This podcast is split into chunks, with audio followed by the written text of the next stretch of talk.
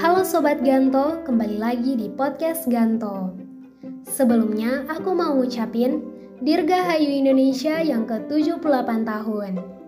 Gimana nih suasana perayaan kemerdekaan Indonesia di tempat Sobat Ganto? Pasti meriah lah ya. Dari Sabang sampai Merauke udah pasti nih, semua masyarakat sedang menyemarakan ulang tahun Indonesia. Ada yang lagi sibuk iring-iringan pawai, panjat pinang, tarik tambang, atau permainan-permainan menarik lainnya. Pasti ada nih di antara sobat Ganto yang lagi jadi panitia lomba 17-an kan? Sobat Ganto masih ingat gak perayaan 17 Agustus di tahun 2020? Haduh, kalau diingat-ingat sedih ya.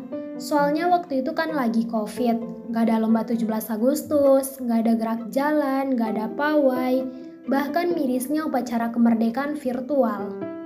Biasanya kalau kita saksikan di televisi formasi pengibaran bendera di Istana Negara itu kan sangat panjang. Tapi Sobat Ganto ingat kan, 17 Agustus 2020 lalu, formasi upacara bendera di Istana Negara hanya tiga orang. Itu pun mereka memakai masker yang berlapis-lapis dan telah diperiksa secara ketat. Makanya Sobat Ganto, sekarang kita harus banyak-banyak bersyukur. Akhirnya kita terbebas dari kehidupan serba virtual. Walaupun ada sisi positifnya seperti orang lebih kreatif dalam berteknologi, tapi negatifnya juga gak kalah banyak loh Sobat Ganto.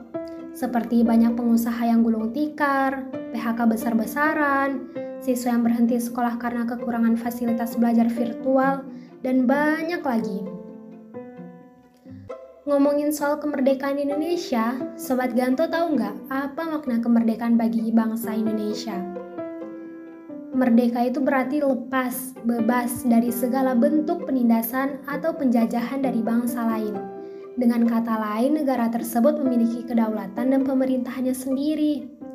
Tapi Sobat Ganto tahu kan gimana susahnya para pahlawan kita untuk mencapai kemerdekaan?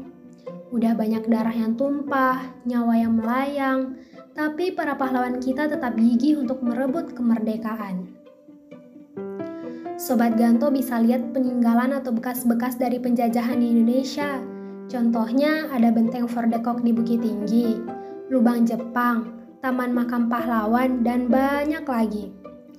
Nah, jadi buat Sobat Ganto, tugas kita adalah mempertahankan kemerdekaan Indonesia dengan cara mengembangkan sikap cinta tanah air, rajin belajar, dan menghormati jasa para pahlawan.